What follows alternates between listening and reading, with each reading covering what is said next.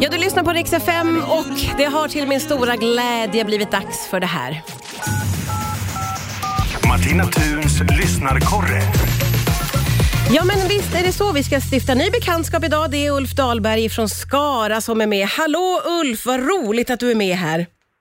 Ja men hallå Martina, alltid kul att lyssna på dig och speciellt roligt att få vara med idag. Ja, nu är du en del av programmet här och du kommer ju från ett riktigt jädra schlagerdistrikt får man säga. Och du har lite av en schlagerspaning också, eller hur? Ja men jag har gjort en liten schlagerspaning, det är antingen traner eller slager som gäller när man går i Skara, kan man ju säga och tranorna kommer ju sen i mars. Så då tycker jag vi går upp på slaget direkt. Ja, det gör vi. Ja, eh, Bert Karlsson sa ju för några år sedan att ingen skallig person kan vinna Melodifestivalen och nu är jag skallig så därför tog jag till mig lite av det här. Ja, du, det har fastnat hos dig. Ja, det fastnade lite hos mig Ja. kan man säga. Och, eh, och det var ju när Fredrik Kempe tävlade med bidraget Finally som han eh, uttalade. Och hade han rätt tänkte jag, ska man analysera detta? Oh, Och och jag har gjort en liten analys. av det. Okej. Ja. Och kommit fram till så här. Eh, I princip så har han ju faktiskt rätt, men då tänker du 2005.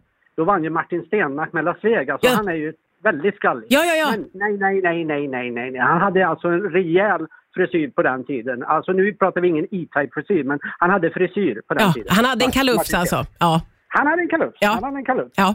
Sen gick, har jag fortsatt min analys och kommit fram till Roger Pontare tänker man då, Ja. 2000. just. Han har ju verkligen inget hår. Nej. Men vad hade han då? Jo, han hade en huvudbonad med fjädrar och, och, och massa annat så man kunde liksom inte skönja att han var skallig. Nej, nej, nej. Så det räknas inte?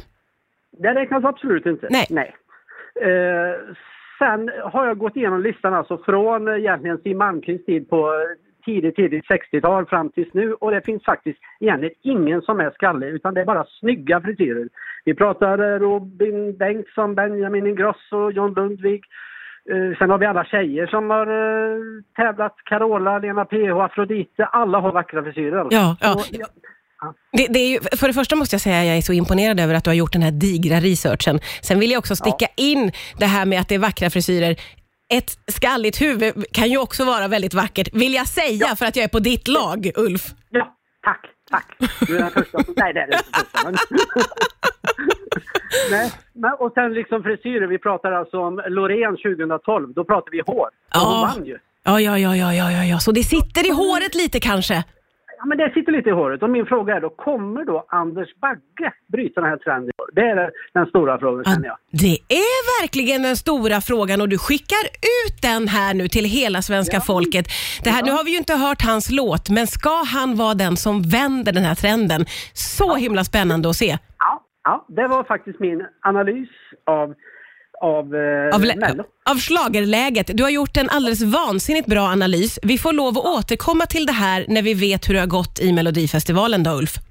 Jag tycker det. Och Ja. är man korrekt ska man väl egentligen avsluta så här. Ja. Det här är Ulf Dahlberg för Rix FM från Skara i Sverige en helt vanlig torsdag. Över till dig Martina. Alltså jag ryser på kroppen. Tack!